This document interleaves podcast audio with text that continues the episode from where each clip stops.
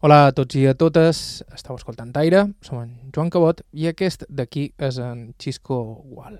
I fa just uns segons estava fent feina en el seu corral. Jo tinc un corral allà que hi faig hortet, sembrar tomateres, ja, ja el tinc bastant preparat, però fins a el març no se pot sembrar. Però ja he sembrat un parell de faves, un parell de pèsols, ais, coses d'aquestes. Passats temps de moment pas així. En en Xisco, el segrest, com aquell que diu, a traïció, un poc ajudat per la seva filla Aina, que és qui ens ha convidat. Sobretot perquè son pare ens expliqui un bocí important de la seva vida que té lloc un poc en fora d'aquí, en concret a Alemanya, on en Xisco va estar treballant durant un poc més de 10 anys i on, de fet, va néixer ella, tot i que poc després de néixer la varen enviar a Mallorca amb la seva padrina. La història d'en Xisco és increïble i a la vegada és una història habitual d'aquells anys, la de totes aquelles generacions d'illens que varen partir lluny de la seva terra per guanyar-se la vida. Avui viatjarem amb ell fins a la freda Alemanya dels anys posteriors a la Segona Guerra Mundial, un camí que no va fer ell tot sol. Estau escoltant Aire a IB3 Ràdio, us parla Joan Cabot, començam.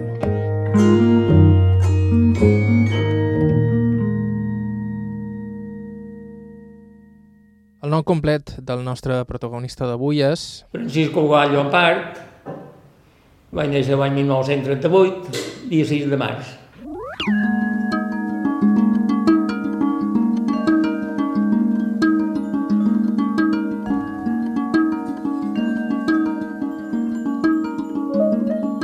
Ells eren tres germans i una germana, fills d'una família per complet dedicada al camp.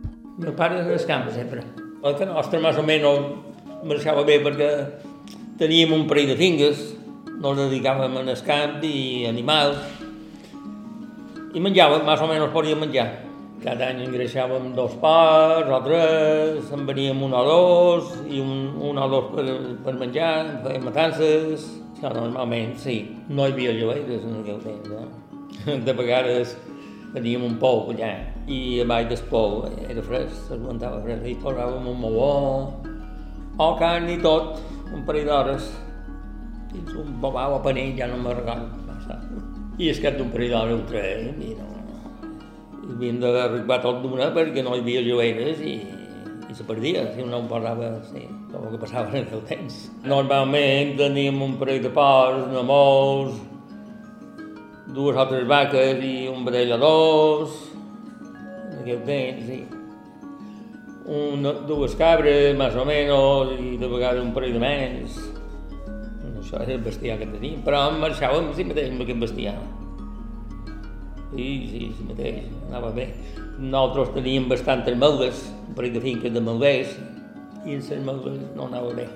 En aquell temps feien del bé sí mateix. No és com ara. Sí, les malves qui, te, qui tenia malvers i tenia malvers, feien bon copet. Això era la vida d'aquell temps. Era un poc dura, de vegades. Batia, quan batíem a cera, era un poc dur. I havíem d'estar damunt cera quan feia sol molt calent, en aquell temps. És com ara. Ara baten damunt un tractor i, i cabina, borrada i, i calefacció, o millor també en tenen aire condicionat, segons quin tractor, eh? segons quin. No en tenim un de tractor, però no té res de tot això. No té aire condicionat. Jo tenia dos o tres anys i me n'anava a, a pasturar les vaques i dues taronges pel camí. Pel camí en aquell temps no, no passava un cotxe, no? Pel camí de, de la bomba, diuen. Que les voreres se feia molt de menjar, molt d'herba. Jo i n'hi havia d'altres que hi anaven, que ni m'anaven per allà. I cabres, sí, no. Només hi havia una trutja o dues, eh? Moltes no i estaven acostumades a les vaques, dues vaques, no, no en tenia més de dues. O millor dos o tres petits i dues trulles i de vegades dues cabres, tot, tot anaven junts. Estaven acostumats, sí. La feina del camp li agradava així mateix. De fet, gairebé sempre s'hi ha dedicat, excepte el temps que va passar a Alemanya, els anys del servei militar i uns mesos a la fàbrica de sabates d'un cosí bo de son pare, però allò de fer sabates no li va acabar d'agradar. Sí, sí, sí, sí. Llevat dels anys que me'n vaig anar a Alemanya i, i, do, i dos mesos de, de, de sabater, o tres, a Baró. Quan jo tenia d'haver de set anys, un parent de mon pare tenia fàbrica de sabates, en tenia una Baró. I, i me van convèncer a anar-hi, feina ja, de sabater. I vaig anar, però per temps, de més tres mesos, no me va agradar casa, no. I anava de matí, on anàvem amb un camió, dinàvem allà, dinàvem 7 o 8 de dinca. No el duen amb un camió, dinàvem allà, no, no el duen al dinar, la mateixa fàbrica, el mateix dueño, no feia dur dinar allà, dinàvem allà i, i després de cap vespre cap Inca. Després eh, me'n vaig anar al servici i després d'haver fet el servici també feina al camp. I dir que dir que sempre hi vaig fer feina pel camp.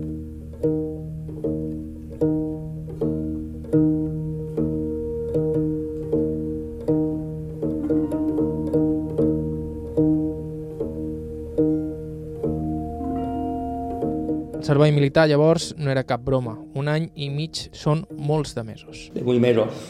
Sí, sí que era llarg, però més o menys estàvem bé allà. Cada setmana, normalment, si no teníem un guàrdia cap a Inca, si teníem guàrdia de quedar allà. Ja durant els anys de l'Emili, en Xisco duia idea de partir de Mallorca. La casualitat va manar-los a ell i a un amic cap a Alemanya. I aquí va començar un viatge que es va allargar més de 10 anys. Jo vaig fer servici, vaig fer servici en el port de Pollença. I vaig acabar servici, i jo i un companyero, un companyero d'Inca, que ja és mort, per cert, van provar a Narín, d'anar a Alemanya. Jo... I dues cap calents, si mateix, a Narín. I no es van decidir, i el companyero meu, sí, podem anar. Era un poc major, jo. Tenia 8 anys, jo tenia 25 anys. Els vaig complir pel camí. I on anàvem, sí. I aquest companyero ja hi havia anat, feia millor un mes o això, i va haver de tornar perquè no hi arribaven els papers, perquè resulta que hi van posar per més cunyó de, de turista, del passaport, i no, no li daven feina per allà. I cap de dues setmanes va tornar per aquí. I després va resultar que de Alemanya va venir un català, que era amic d'un veïnat seu, que vivia de vora fora. I aquest català, fa estoneta que era ja, ja, no, va, no el va dir, si veniu vos arreglaré jo. Jo, feia feina un supermercat a passar. I, I va estar aquí, però no els va dir que m'on anàssim nosaltres ells se m'han autocar i nosaltres, no els va aconseguir que anàssim en tren perquè un autocar pot ser molt bé que vos posin el, el cunyó. Bé i va, no anirem en tren i aquest, aquest català no havia d'esperar a una estació. d'Ocel veu a 5 de, de la matí l'arribada que tenia allà i ell ho sabia l'arribada i, no va comparèixer però jo tenia la direcció i no vivia molt a fora de l'estació. Vàrem anar amb taxistes a veure si no es volien d'allà i jo no sé, no, no els van enviar, no, no. Un tramo curt en primera, devíem veure que era un tramo curt, però ho, ho arribàrem a trobar, preguntant i ho trobàrem un supermercat. I ara no sé si vos ho podré arreglar per aquí, perquè s'ha posat malament, i jo tenia la direcció d'un company meu, mateix, de, de Sineu. Després de dos anys que era allà, ja tenia un cotxe, un Mercedes, va comprar un cotxe per allà, i sabia xerrar ja un poc, mateix. I, i aquest català, quan no els va dir això, jo tenia la direcció d'aquest companyero, o millor 100 quilòmetres lluny, allà o 150, anem cap allà, que havia estat aquí, aquest companyero, per eh, Nadal havia estat aquí, nosaltres vam anar per els mars. I no ho va dir, me'l va dir. Si per allà no anava bé, veniu eh, cap allà on jo estigui, o millor. Aquest companyero meu anava un, un camió a un puesto de fruita. Estava ben considerat allà i sabia xerrar el mateix ja. I on anàrem en aquest companyero, ja hi havia un parell d'inqueros també. I el cotxe d'ell no el va acompanyar un parell de. No ens donaven feina per allà, no. No s'enviaven, no sé on no s'enviaven, però en els papers així com teníem. No. Aquest companyero coneixia un capellà espanyol. Anàrem amb aquest capellà. I aquest capellà diu, per aquí no us ho puc arreglar. No li va a Saganeu, més 200 quilòmetres lluny. Nos va donar la direcció a un palmesano que estava en les Caritas. Diu, anava allà i ell, o millor per allà, vos ho pot arribar. Sí, 200 o 300 quilòmetres lluny. No, no, Estem demà amb un altre companyero, un dinca, que també sabia xerrar poc, perquè un altre no sabia xerrar gens d'aquell temps. Els companyer, aquell companyero allà, el trobàrem aquest de les Caritas, si mateix no el va dir que és com així havíem anat d'aquesta manera, de turista. I van explicar el que havia passat. Tot d'una no es posa dins del cotxe, un cotxe que tenia ell, no, no d'una fàbrica de ferro, de més, hi havia més 400 obrers allà, o 500. I mateix de mateix ho va arreglar. Ho va arreglar, si mateix no el va dir, m'agradaria si mateix que estiguéssiu, era una fundició allà, però hi havia moltes classes de feina. Era qüestió de ferro, hi havia feines feixudes hi havia moltes classes de feina, i no el va dir que, m'agradaria que estiguéssim si mateix un any, almenys un any, es cap d'un parell de mesos seran anats. Així van quedar. Els companyeros n'hi va estar tres, i jo n'hi vaig estar res. Ja havia un mes. I tot aquell temps va fer feina per a la mateixa empresa tot i que a dues fàbriques diferents. Perquè me canviaren jo d'aquesta fàbrica després, me canviaren a una altra fàbrica, perquè aquesta empresa tenia, no sé, les fàbriques que tenia. Normalment en tenia moltes de ferro, hi havia ferro, hi havia pintura allà, hi havia serradora, hi havia feines que venen un poc afegides. Allà se feia ferro, se, feia, se fonia el ferro i era com un caldo, i això després ho havien de posar dins un mal, mal gos i això era un poc afegit. I que bo jo me passara la pintura. És cap d'un parell de dies ve un, un intèrprete, en el director d'allà, diu, tu te, te passarem a una altra fàbrica a 24 quilòmetres d'aquí, la mateixa empresa, i la feina més, més lleugera, allà, perquè me passara la pintura. No, no era molt fugiuda. I allà me passaren. I els companyeros que se, se queda allà. Però no el veiem, quasi cada setmana o cada dues setmanes el passàvem d'un puesto a l'altre. O ell venia allà on jo feia feina, o, o jo hi anava, perquè hi havia molt d'espanyols en aquell temps allà. Antes de jo n'hi anaren un parell dic de turista i allà se anava a feina, això devia ser bé baix 60. Però després ja se va complir un poc més, a posar més, un poc més malament. Nosaltres anàvem l'any 63, per març de l'any 63. Ja no estava molt bé. Els que anaven, els estrangers que anaven, no, els espanyols, hi havien d'anar en contracte. Quan acabaven el contracte, si hi havia feina, seguien. Si no hi havia feina, s'havien d'anar cap a carrera. Acabaven el contracte. Un any, un contracte d'un any. Que n'hi va haver que hi anaren en contracte i van estar en bon grapat d'anys. Eh? Si hi havia feina, aguantaven. Però se va establir un picador dues vegades, jo sabia que van el contracte i no hi havia massa feina i la van despedir. I que dir que això que eren aquell temps. Els alemanys tenien feina però no anaven de bromes. I en Xisco igual. Després d'uns primers mesos un poc durs, va establir-se en aquell petit poblet alemany que gairebé només era la seva fàbrica i els que treballaven allà. En uns segons continuem amb l'aventura de l'inquer Xisco Wall com a treballador immigrant a Alemanya. Serà després de la pausa.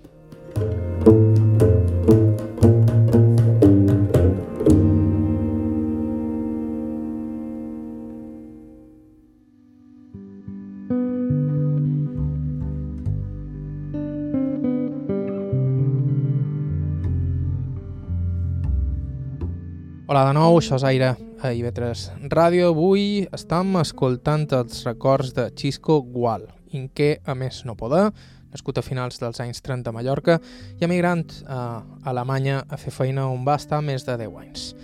A Xisco Gual el vam entrevistar perquè la seva filla ens va escriure i ens va parlar d'ell. Així que vos recordam, sempre estem cercant testimonis, gent que ens pugui parlar de com eren les coses abans, o que hagi viscut fets insòlids, o simplement personatges amb històries de vida interessants, com en Xisco. I si teniu qualsevol idea o suggeriment ens podeu escriure a aire.ivetresradio.com o deixar-nos un missatge al 971 13 99 31. 971 13 99 31. Ens havíem quedat precisament al moment en què Xisco Gual arribava a Alemanya i a la que seria la seva casa durant els pròxims 10 anys. Ah, el aquest molt petit. No sé, o millor petit, millor hi havia mil persones allà, però dos quilòmetres més avall, que hi podien, nosaltres hi anàvem a peu, i pas, el tren passava. Aquesta millor tenia 7 o 8 mil habitants. 20 en cop, se deia 20 en cop. Eh, aquí, o 10.000, millor tenia 10.000 habitants. El poble estava bastant dispersos allà, o estan. Nosaltres estàvem en aquest poble petit, la fàbrica gran, poble petit, un quilòmetre i mig o dos per avall, un poble de 10.000, 10 8 o 10.000 habitants. A dos o tres quilòmetres més amunt, un altre, de 7, 7 o 8.000 habitants també, i per amunt estaven espessos allà, si mateix. No és com aquí, que estan més, més separats, perquè ara aquí allò ve, quan n'hi ha, a mi no sabem el mateix. En Xisco venia de l'Espanya de Franco, així que el canvi va ser considerable, sobretot a nivell econòmic. Alemanya vivia un moment d'expansió increïble en aquells anys posteriors a la Segona Guerra Mundial. Sorprendre com aquell qui diu, me va sorprendre una mica, un altre ambient allà, que les estacions molt grans, això sí, això per aquí no eren, no hi són, però aquí no, no hi són a Mallorca.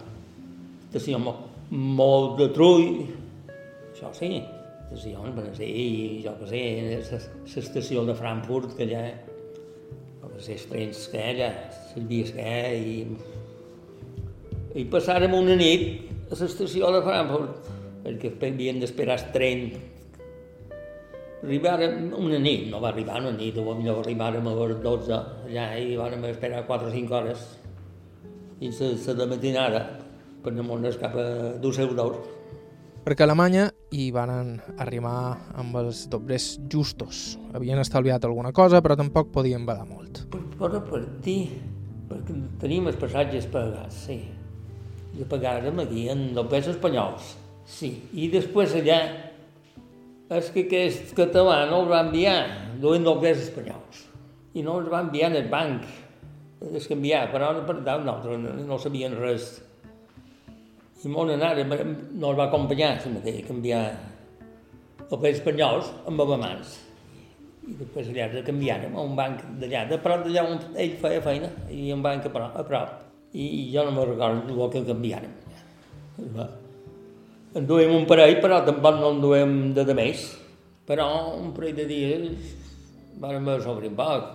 I, i sí, perquè no, no, de tot d'una no els ningú no els dava, no els volia donar feina i menys mal que aquest capellà després no els va donar en camí. Eh? I vàrem allà on anaren tot d'una en aquest companyero Sineu, i jo tenia la direcció que m'havia dit ell. Vàrem allà, i allà se va estrevenir, hi havia aquest, aquest de Sineu. Després dins que n'hi havia quatre o cinc? Pere, un, dos, cinc o cinc hi havia dintre, en aquell barri. I dos vespres sé que vam quedar a dormir a un sofà, allà on dormien dos o tres companyeros, però i nosaltres dormirem un sofà que tenien allà, de mala manera. Això va. Però van passar dos dies o tres, així. I després vam anar allà. Ah, i quan aquest no el va arreglar per quedar a fer feina allà, però teníem totes les coses a, a mans, deia, vàrem tornar a sesgar aquelles, agafàvem les coses, les maletes, i de cap allà, i allà hi havia llits. Allà hi havia una residència, que potser hi havia 5, 60 o 70 persones, habitacions de dos llits, d'un, tot d'una mona anàvem allà, un llits ben preparats i mateix ben preparats, d'obrers. No, no, no era molt modern, allò, tampoc, però en fi. allà hi havia un cuiner que feia menjar per els obrers que feien feina allà. Per els obrers espanyols, eh? per els espanyols. N'hi hi havia un, hi havia un cuiner. Feia menjar i mira.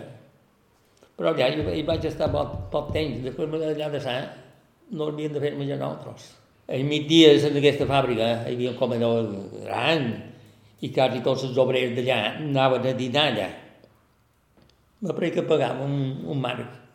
I anaven al migdia, menjaven d'això menú. Els de mamà anaven allà també, quasi tots.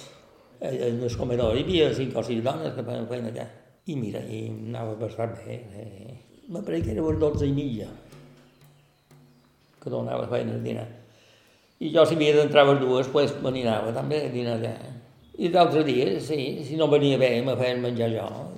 I d'altres espanyol també. I vespre també nos fèiem el sopar. I a Omània no hi havia espanyol tots sols, eh?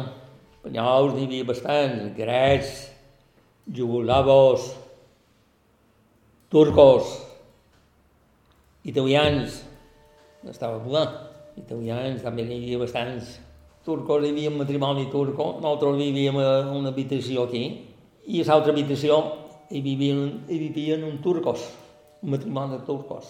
Ella venia de vegades, perquè nosaltres teníem, teníem una habitació petita, dos llitets, i després aquí teníem un, allà on menjàvem amb una taula i teníem una tele, així mateix. Eh, me van vendre una tele, jo no sé com va ser, o me donaren, o me van vendre, usada ja, sabia una mica, i aquesta turca de vegades venia a veure la tele, allà on nosaltres estàvem, però no sabia xerrar quasi alemany, no, no no s'enteníem molt. Una mica, no, era bona, bona dona, i el seu home feia feina, i ella no feia feina. El seu home feia feina, no sé on. El seu home ho sabia poc, també alemany. I no, no s'enteníem massa, però ella venia bastant a veure la tele. Els vespres, sí, i per allà hi havia Després hi havia dos matrimonis espanyols, que, aquell que va guardar la nina, que vivien a millor 100 metres de lluny o 80. També de vegades anàvem. Sí, també hi havia un matrimoni de Sevilla, també vivien a prop i en, en José feia feina allà, la mateixa nave d'això. I van tenir una nina i nos fèiem bastant amb aquests també. Qualque vespre, recordo un, un vespre per, per Nochebuena, un parell d'espanyols, matrimonis, tres o quatre matrimonis per mi. Sí, segur. Fèrem una mica de sopar. No juntàrem, com deia, sí. Un, dos, quatre, quatre matrimonis per mi. I un, com deia, un sopar més xerec. I un va, va provar de fer llebres. Allà hi havia unes llebres, se feien unes llebres així. Normalment els pollos eren bons allà pollos assats, com aquí, sí. I que va, va de fer llibre. Era poc cuiner, que no, no massa. Va provar a fer llibres, 40 putes de llibre. No era menjadora, patata i llebre. Llibres, granada, primera devia ser granada, grossa, 40 putes, vaig dir jo. No hi havia qui, qui va menjar 40 llans. La patata, jo el que vaig menjar va la patata i després altra coseta darrere, però la llebre, quin fracàs va ser. A la mateixa fàbrica on treballaven en Xisco hi havia bastants espanyols, però ell i després també la seva dona eren els únics mallorquins per allà. Aquí on jo estava, mallorquí no n'hi havia cap. Tres anys arribava aquell, aquell companyero que estava 24 en una altra fàbrica, era mallorquí, però mallorquí cap. Tenien sobar de per tot, de per tot d'Espanya perquè hi ha una temporada eren d'haver 500 obrers. Que hi havia. I teníeu relació amb els alemans? Sí, sí, sí mateix, no, no fèiem amb alemans allà. Sí que en teníem, sí mateix. Que fèiem feina en nosaltres, però. A la mateixa fàbrica, la mateixa nave, perquè allà hi havia un parell, hi havia, jo feia feina la pintura. Allà potser eren 30 o 40. La serradora també 30 o 40 més, la fundació, tenim bon, un bon grapat. Allà on repassava el ferro també n'hi havia bastants. Però és que feien feina la mateixa nave, eh? I no el duem bé. I com vos tractaven els alemans? Més o menys bé. Sí. Ara, jo en espanyol una vegada no jo que vaig de matí allà. Feia feina la mateixa màquina de jo, perquè feien tres turnos allà. de matí, de cabell i vespre, la nit. I aquestes espanyoles de matí estaven al puesto, sí, havia començat des de matí, i van al control, controlava la feina i no sabia la demanda, veu ell. Se va discutir amb ell i li va donar els papers que duia el control. Allà ja no hi va estar una hora per allà, allà. de cap vespre cap a Espanya. M'enviaren. Per això, n'hi havia que volien fer quedar companyeros, no hi va quedar. I la feina, tot d'una, tot d'una, ja me ho tragueren. Però llevat d'aquest, no hi va, no hi va cap guió mai. Ell va acabar adaptant-se moltíssim a Alemanya, malgrat el fred i el menjar, que no li agradava gaire.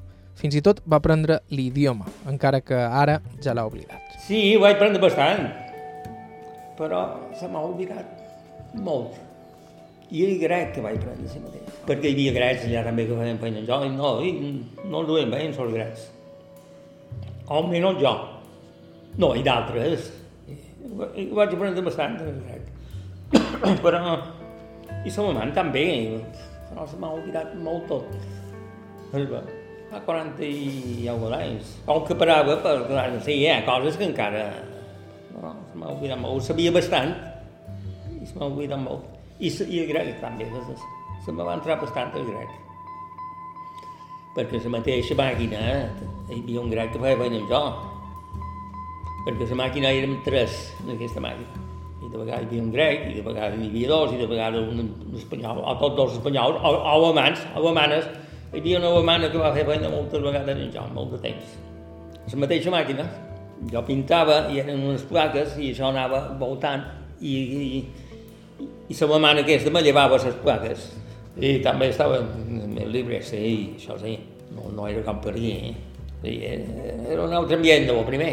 Estava més adelantat de molt, a Alemanya. La indústria, molta indústria, això sí, moltes coses, molt de cotxos, i aquí no n'hi havia quasi.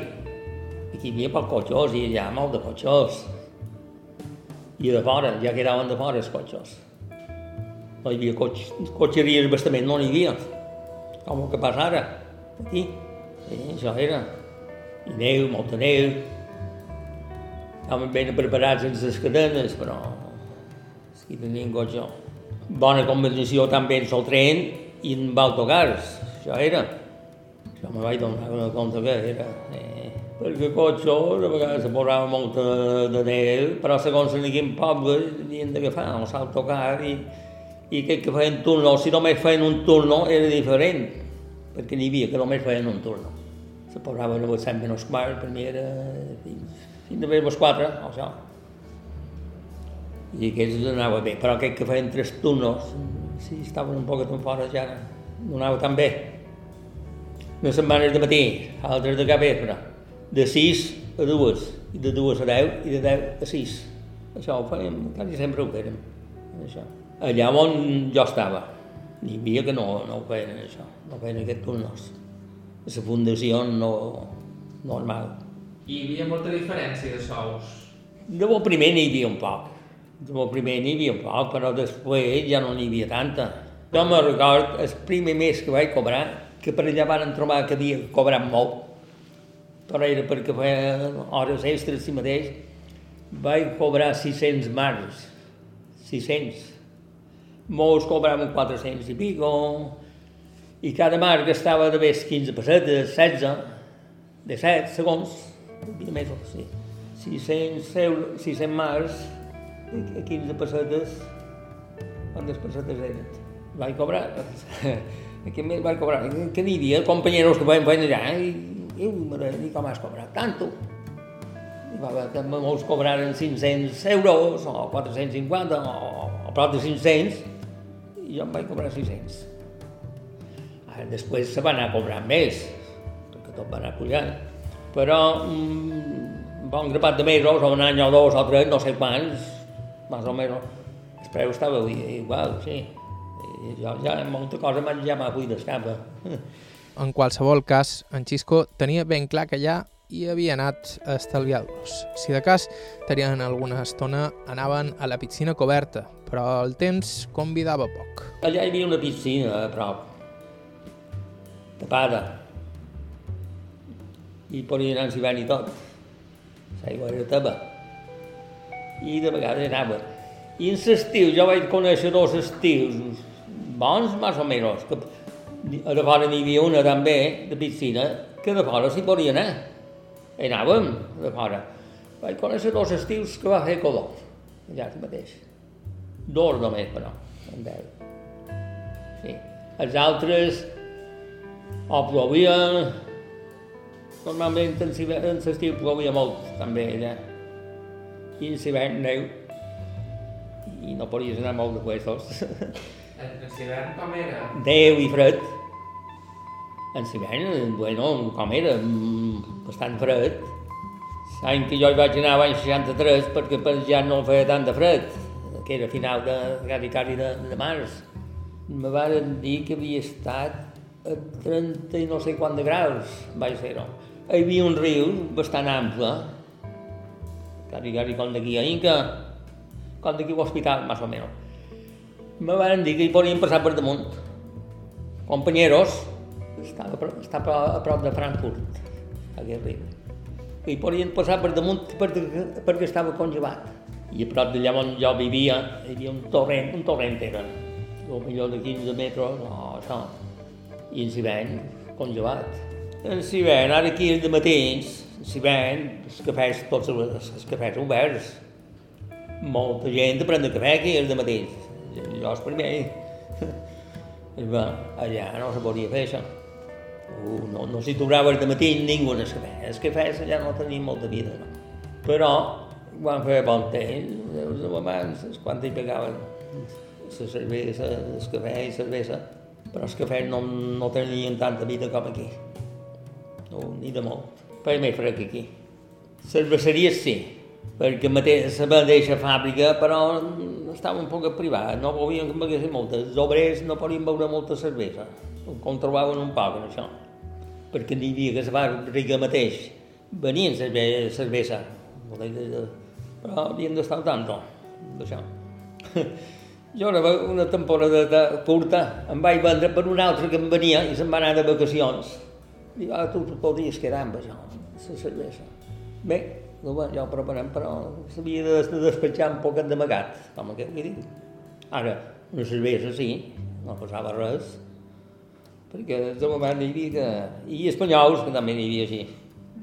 I no, eren no, de més moment, no. 10 anys va estar Xisco Gual per Alemanya. En uns segons parlam del seu retorn a Mallorca. Estau escoltant d'aire i Vetres Ràdio, fem una breu pausa i continuem.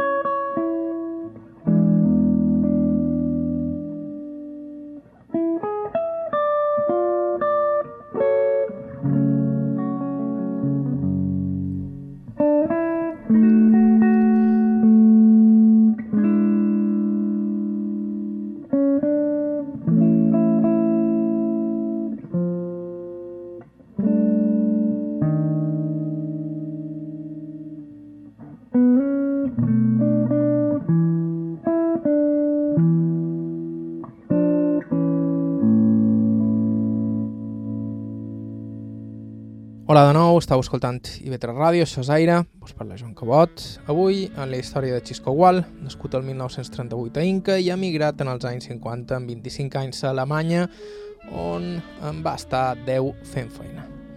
Abans de continuar, vos record que si vos heu perdut l'inici del programa o si voleu tornar-ho a escoltar tots o escoltar qualsevol dels nostres programes anteriors, podeu fer a ib3.org barra carta o bé via podcast, que és el millor sistema per seguir-nos a qualsevol dels agregadors disponibles.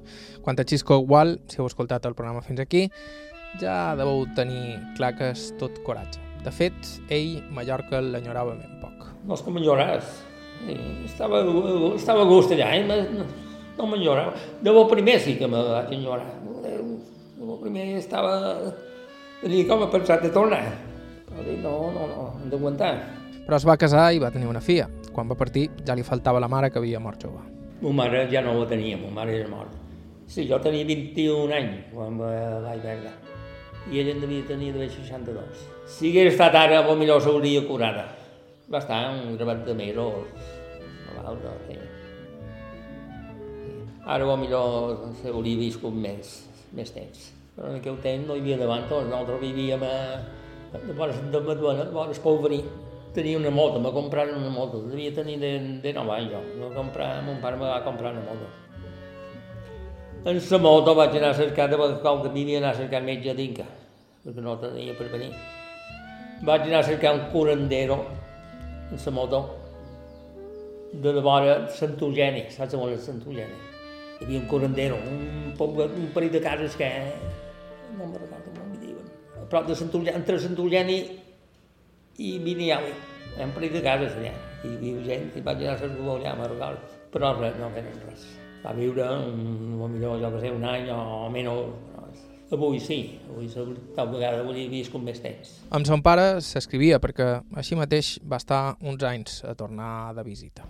I mon pare va aprendre bé, així mateix. Bé, jo escrivia a la germana, tenia una germana o una cunyada, perquè mon pare, no, com aquell que diu, no sabia llegir, no? Sabia un poc, un poc, molt poc. Però, en fi, va anar bé, així mateix.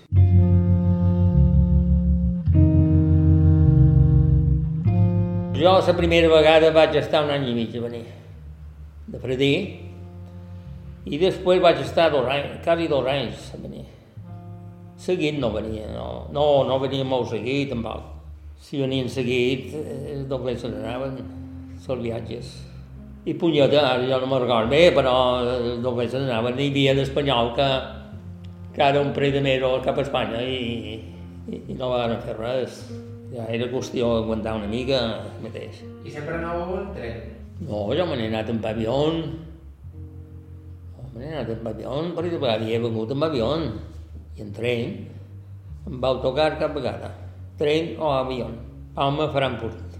I després, tren.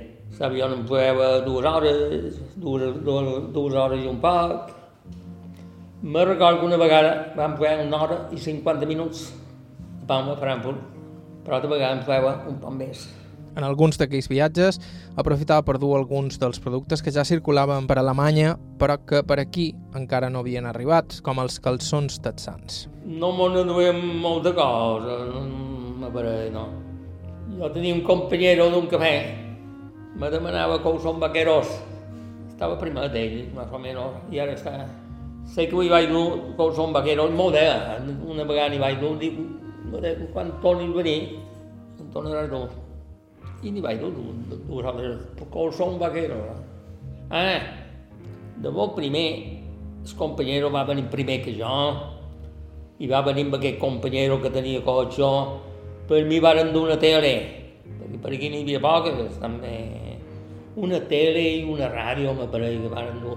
I, i el nom d'aquest cine B, la tele. Per mi va posar, se va quedar aquest cine B, la tele i la ràdio m'apareix. Aquest cinema se, se va quedar en la tele, m'apareix, sí. El dir d'aquell, diu, tu van arribar per bé, no sé com, ja no me'n recordo bé, això. I ell va comprar. Cinema va comprar la tele per mi i se va posar el nom d'aquell altre. Així m'apareix que va ser. Per aquí n'hi havia poques de teles encara. Jo sé que vaig dur un, una radiata en el meu germà, que feia de pastor, i vaig dur una ràdio el que se duen també eren bastant de puros, puros, que ja n'hi havia. Els companyeros de per aquí, per aquí que fumaven. Amb Xisco parla de tots aquells anys com si res, però també admet que els primers mesos a Alemanya van ser bastant durs, sobretot perquè no coneixien l'idioma. Però, com hem dit, ell és un home coratjós i com a bon mallorquí caparrut, molt caparrut. Bueno, un parell de mesos van ser un poc durs, mateix, perquè primera que no sabíem xerrar, i això, el mateix, el menjar un poc diferent, també. Però hi havia espanyols, hi havia que sabien xerrar poc, en fi, mateix ho passàvem bé. A Alemanya m'agradava, me va agradar el mateix. fred, feia molt de fred allà també, eh? això sí.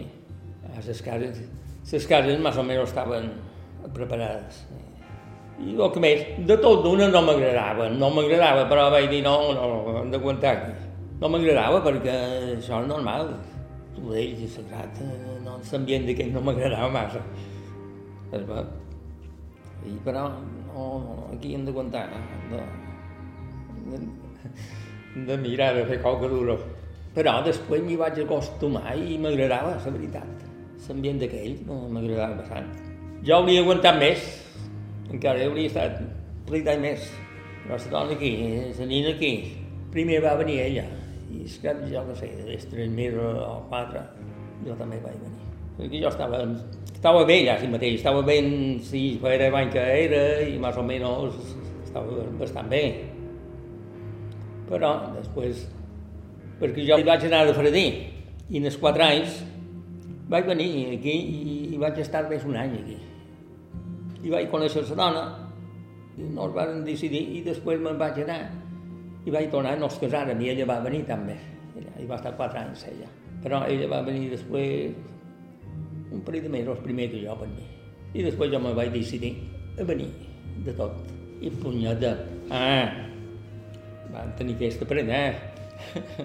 Està parlant de la seva filla Aina, que està just al seu costat. En el mesos ho duguérem aquí. I quan venguérem tenia... No, quan jo vaig venir per mi ja tenia d'haver un any i mig o dos la predina me guardava. Sí, i punyeta, ja se van complicar un poc més les coses. Ja havia fet un parell de també, i, i mira, 73 dies, eh? 10 anys, 10 anys un mes. No, 74, perquè jo vaig venir, com aquell que diu per quedar per aquí ja, i vaig estar prop d'un any aquí. Fem feina pel camp, un i amb l'altre, perquè allà quan me'n vaig anar, per, per un any, no la feina va fuixar una mica. I jo vaig venir cap aquí i vaig estar des un any. I un intèrpret que hi havia a la fàbrica, allà on feina jo, me va enviar una carta. No me'n recordo això, no me'n recordava. A veure si hi havia tornat, a veure, a veure si hi volia tornar allà. Que ara s'havia mogut molta feina allà i veure si m'interessava tornar-hi. Jo vaig pensar, per mi me convenia li vaig escriure i vaig dir que sí. I, i, i cap allà me'n vaig, vinc dir que vaig venir en el 74. Ah, M'he recordat d'això. Amb una filla acabada de néixer i tots dos pares fent feina, en Xisco va haver de cuidar la menuda més d'una estona, encara que també rebien alguna ajuda. I vaig donar eh, el biberó moltes vegades. No, no, no eren tots, això no. això va... No, però, però sí, de vegades han de fer i doncs ella me vaig cuidar, bueno, després dels tres mesos ho duguérem, però ja me vaig cuidar d'ella, aquests tres, tres mesos, no, millor un mes i pico, estones només, perquè aquella espanyola se cuidava d'ella, era espanyola, se, sí, no feia feina, i se, se va oferir ella, sí, i mira, i massa bé, i després dels tres mesos ho duguérem aquí, i va quedar en la pretilla. Ell i la seva dona es coneixien gairebé de tota la vida i un cop allà també ella s'havia posat a fer feina. No es coneixíem, érem veïnats, quasi, quasi. D'aquí dins. Sí, ho coneixia ja fa estona. I era amiga d'una cosina, d'una cosina, de la dona d'un cosí meu, també. En fi, no es coneixíem una mica. I a ella li va agradar estar allà? Sí, li va agradar, sí mateix. Va, no com jo, però no tant com jo. Perquè ella feia feina o, o a casa? No, feia feina. Varen tenir ella perquè un, o millor dos mesos, ja no me'n bé, no va fer feina. Degut a ella era petita, no va fer feina. Després començar a fer feina, ja va haver de començar, i una veïnada espanyola, que no feia feina, que tenia dos nens, ho guardava. Mentre ella feia feina, ella feia les hores normals quan ella sortia, anava a l'escola. També jo quan, si jo entrava de cap vespre, jo me podria cuidar d'ella, el matí, dins de verdús, o fins a una i mitja. Si feia feina el matí, a verdús jo havia acabat. Si no feia hores d'extres, una vegada vaig, vaig de fer tres turnos, eh? vaig seguir, perquè vaig començar el matí a 6 els que havien entrat les dues se posava malalt, no pogué venir, els que havien d'entrar a deu tampoc, i vaig de seguir la mateixa màquina. Però no totes les hores de feina. I si mateix anava mascarada, mateix. Si davantàvem la feina, eh? després podíem estar un bon rat aturats. Eh? I de vegades dos turnos sí que se vaig fer qualque vegada. Perquè potser l'altre fallava. O de vegades me deien per fer un parell d'hores, també se feia, no vaig dir mai que no. Després d'haver fet feina a la mateixa màquina, la màquina, una altra feina, hòstia, guanyar, guanyar dos pes. I en va fer. I un cop tornat a l'illa, es va posar a fer feina guardant una fàbrica de sabates i finalment en una granja. Per llavors, quan va tornar després de 10 anys, Inca havia canviat moltíssim. Fins i tot Alemanya havia canviat. Va canviar un poc, però molt no, com aquí no. Aquí ha canviat, va canviar molt en 10 anys o 15 o 20. Ja ha canviat molt, però ja no, en 10 anys no estic canviant massa. Aquí, aquí ha fet més dia canviar. Però, ja t'he dit, ara després d'uns anys per aquí se va millorar molt. Xisco Wall mai ha tornat a Alemanya des de llavors. A la seva manera, ha estat més bé a Alemanya qui ha anat a encalçar en Xisco Wall. No he tornat, no. Hi ha hagut vegades que m'ha fet com a ganes de dir, però ara ja, ja no m'ha fet ganes. Els alemanys han vengut a vos això mateix. Ara fa, no fa molt d'anys, aquí va haver una, un matrimoni humà, un matrimoni no, un pare i fill, en aquesta finca de Soguinós, ho compraren, per cert. I, i no, i no fèiem bastant amb aquests. Jo de vegades si havia menester qualque cosa, oh, hi anava, o ells venien. No els enteníem si mateix. Aquí el teniu, Xisco Wall, nascut al 1938 a Inca, un bon home.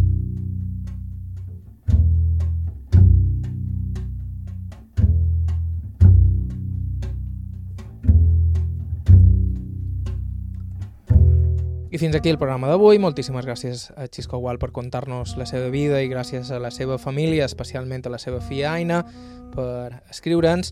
Si voleu suggerir-nos algú per entrevistar, ens podeu enviar un correu a aire.ivetresradio.com o bé deixar-nos un missatge al 971 13 99 31.